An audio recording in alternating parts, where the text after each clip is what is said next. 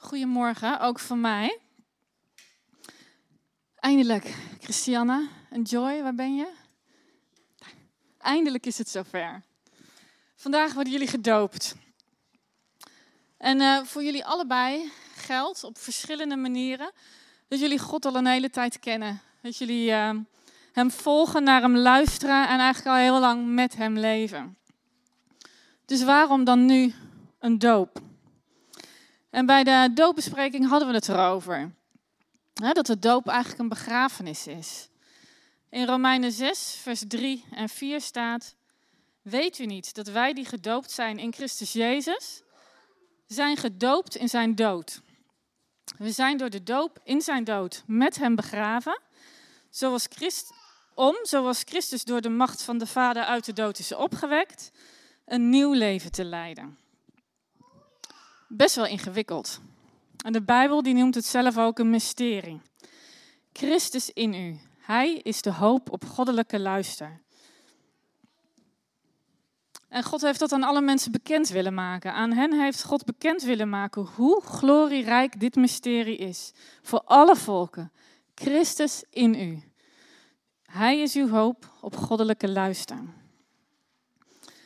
Nou, hoe kun je dat nou een beetje gaan begrijpen? Want er staat dus dat God het bekend wil maken aan de mensen. Daarvoor wil ik je meenemen naar het verhaal van de bevrijding van het volk Israël. De bevrijding uit de slavernij. God had Mozes geroepen om zijn volk te bevrijden uit de slavernij in Egypte. En uh, hij was al bij de farao geweest. Hij had gevraagd om het volk vrij te laten en steeds had de farao nee gezegd. Toen kwamen de tien plagen.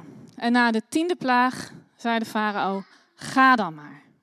Ga dan maar. En de mensen van het volk van Israël, die hadden voor die laatste plaag bloed aan de deurposten um, gesmeerd, zodat die tiende plaag aan hun voorbij zou gaan. En uh, de volgende ochtend trokken ze weg. Op pad, weg uit Egypte. En God zelf ging voor hen uit, overdag in een wolkolom en s'nachts in een vuurzeil. Maar dat betekende nog niet dat hun bevrijding hiermee een feit was. Want de farao bedacht zich. En hij wilde het volk tegenhouden om de vrijheid in te gaan. En hij zette de achtervolging in. En toen het volk bijna bij de Rode Zee was, toen leek het alsof de, de Egyptenaren, de soldaten, hun zouden gaan inhalen. En ze kwamen echt gevaarlijk dichtbij. Bijna weer in de greep van de vijand. Bijna weer terug in slavernij. Hoe moet het gevoeld hebben voor dat volk? Het, de, de soldaten achter zich, de zee voor zich, paniek. En dan zegt God tegen Mozes: laat ze verder trekken. En ik weet niet of de mensen het echt begrepen. Maar in het geloof dat God hen zou redden, trokken ze verder. En op het moment dat Mozes zijn staf omhoog houdt, wijkt het water van de Rode Zee en kan het volk erdoor trekken. En ze gaan het water in door de zee en ze komen aan de andere kant weer aan land. En de Egyptenaren proberen ze achterna te gaan. Die proberen ze in te halen. Maar op het moment dat het volk er doorheen was, zag God dat de Egyptenaren probeerden ook door de Rode Zee te trekken. En hij liet het water weer sluiten. En zo rekende God af met de Egyptenaren. Zo rekende God af met de onderdrukkers. Zo rekende God af met de vijand van het volk. Ze konden het volk niet langer volgen. Niemand van het Egyptische leger bereikte de overkant. Ze gingen het water in, ze gingen de zeebodem door. Ze wandelden er dwars doorheen en kwamen aan de overkant, aan de andere kant aan wal, als een nieuw volk met een nieuwe bestemming. Niet meer op de vlucht voor de vijand, maar op weg naar het beloofde land. Een nieuwe identiteit. Geen slaven meer. De definitieve bevrijding van het volk Israël van hun onderdrukker ging door het water heen. Zie je de vergelijking al? Paulus vergelijkt het beeld van de doortocht door de Rode Zee met de doop. De definitieve bevrijding van Gods kinderen kwam door het water. En het is een beeld van de bevrijding door Jezus. En dat is waarom God de doop heeft ingesteld. Want als je onder water gaat en weer omhoog komt, heeft de vijand zijn laatste recht verspeeld om jou te achtervolgen. En de claim van de vijand op jouw leven wordt daarmee volledig teniet gedaan. Je komt omhoog uit het water in nieuw leven. Je bent een nieuwe schepping. Je hebt een nieuwe identiteit en je hebt een nieuwe bestemming. Net als het volk Israël. Geen slaaf meer, maar vrijgekocht. Geen naamloze werkkracht, maar kind van God. Niet meer op de vlucht, maar op weg naar het beloofde land. In het water ontvang je een nieuwe identiteit, een nieuw leven, zijn leven. Want weet je niet dat wij die gedoopt zijn in Christus Jezus, zijn gedoopt in zijn dood? En dat we door, net zoals Jezus, door de macht van de Vader uit de dood zijn opgewekt om een nieuw leven te leiden? Begraven in de dood van Jezus en opgestaan in het leven van Jezus. Leven in een onverbrekelijke eenheid met Jezus. En die eenheid betekent dat Jezus er aan de ene kant voor gekozen heeft om zich één te maken met jouw, jouw schuld en jouw straf en die te dragen. En aan de andere kant betekent het dat jij je één mag maken met Jezus, met zijn hart, met zijn geest. Nieuw leven. En in dat nieuwe leven werkt het anders. Dat zit anders in elkaar. Daar gelden andere regels, daar is een andere cultuur. En zoals het volk Israël moest leren wat het betekende om geen slaaf meer te zijn, hoe het leven in elkaar zit als je vrij mens bent, hoe werkt dat? Hoe gedraag je je dan? En voor ons geldt dat net zo. Wat betekent dat nieuwe leven? Hoe werkt het eigenlijk? Hoe zit die wereld eigenlijk in elkaar? Het betekent dat er een heel nieuw leven te ontdekken is.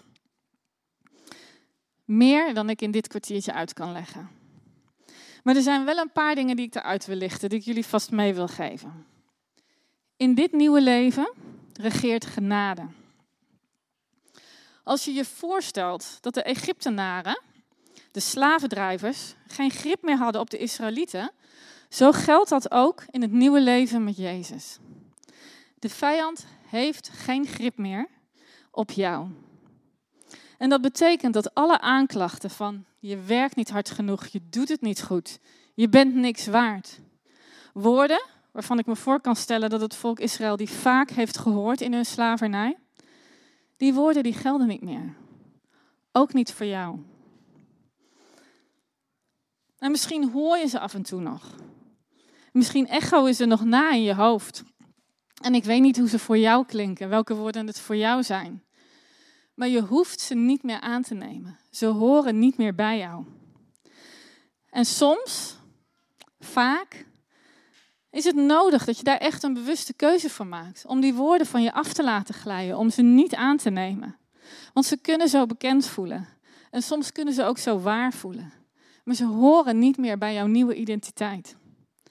Want in dit leven regeert liefde. En je kan je misschien wel voorstellen dat de Egyptenaren eh, gewend waren straf te krijgen. Als ze niet hard genoeg werkten, als ze niet genoeg presteerden, dan ging de zweep erover. En daarmee wordt angst voor straf een drijfveer en een motivatie om uh, harder te gaan werken. In dit nieuwe leven werkt het anders. Er is geen straf meer. Die straf is meegegaan in het graf. Die is meegegaan met Jezus toen hij stierf. En in jouw doop bevestig je dat.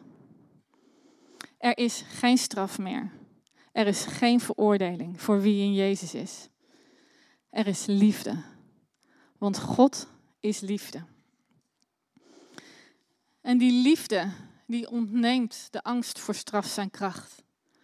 Want angst veronderstelt straf. en liefde veronderstelt en verwacht genade. Er is geen veroordeling meer. dus als je merkt dat je denkt dat je niet goed genoeg gedaan hebt.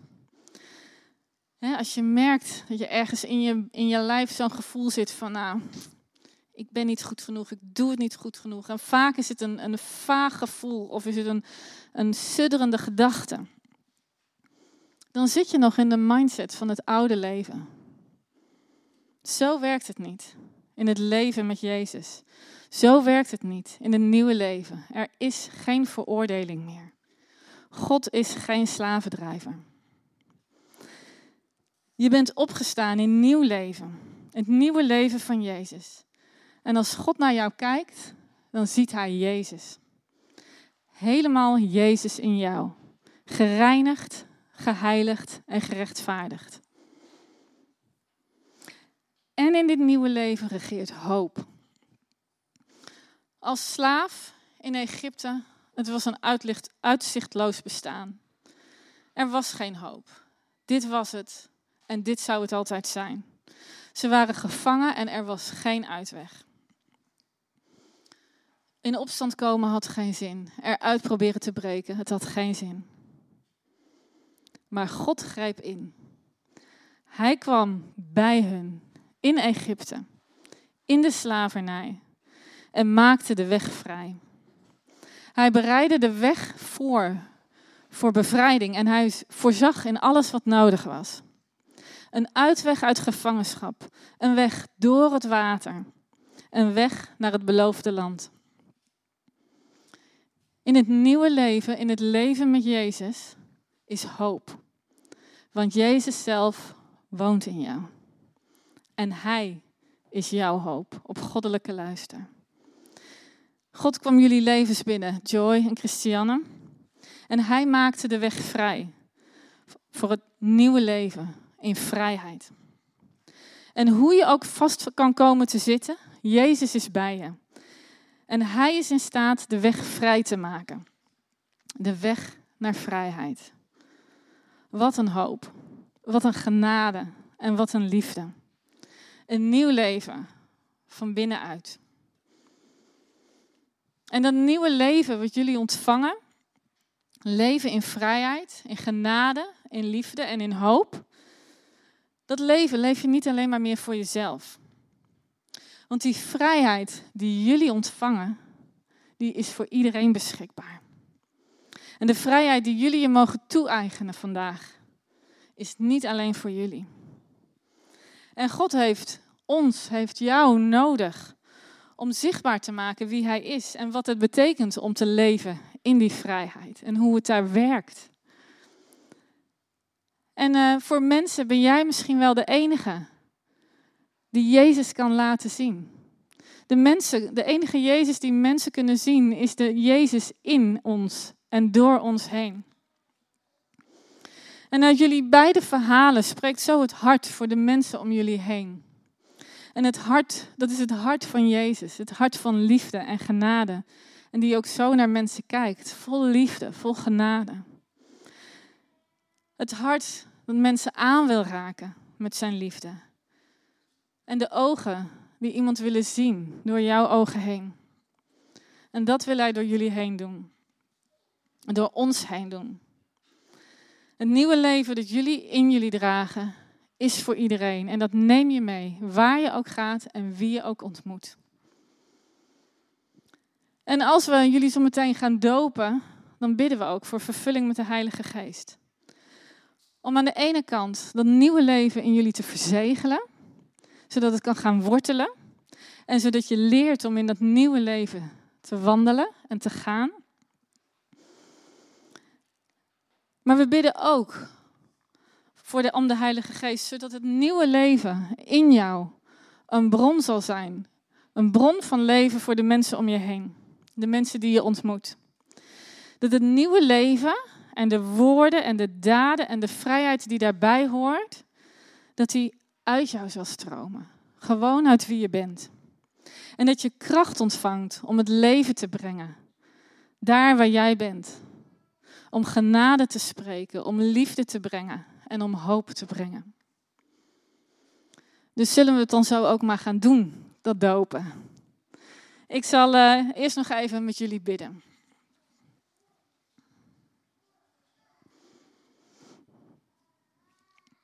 Vader God, dank u wel dat er bij u vrijheid is. Genade, liefde en hoop en nog zo ontzettend veel meer.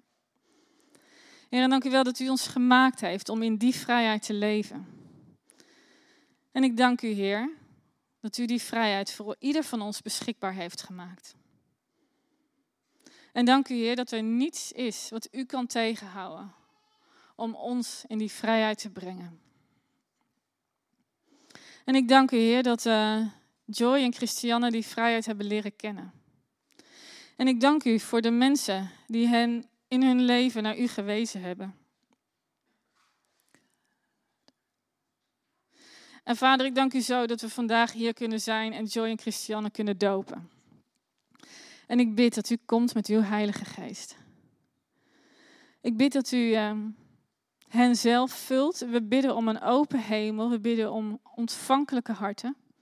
We bidden dat u zelf openbaart aan hen en naar ons allemaal. En we bidden dat uw koninkrijk komt. En dat uw vrijheid, ehm, dat we die vrijheid die u voor ons gekocht heeft, dat we die mogen uitdragen de wereld in. In Jezus' naam. Amen.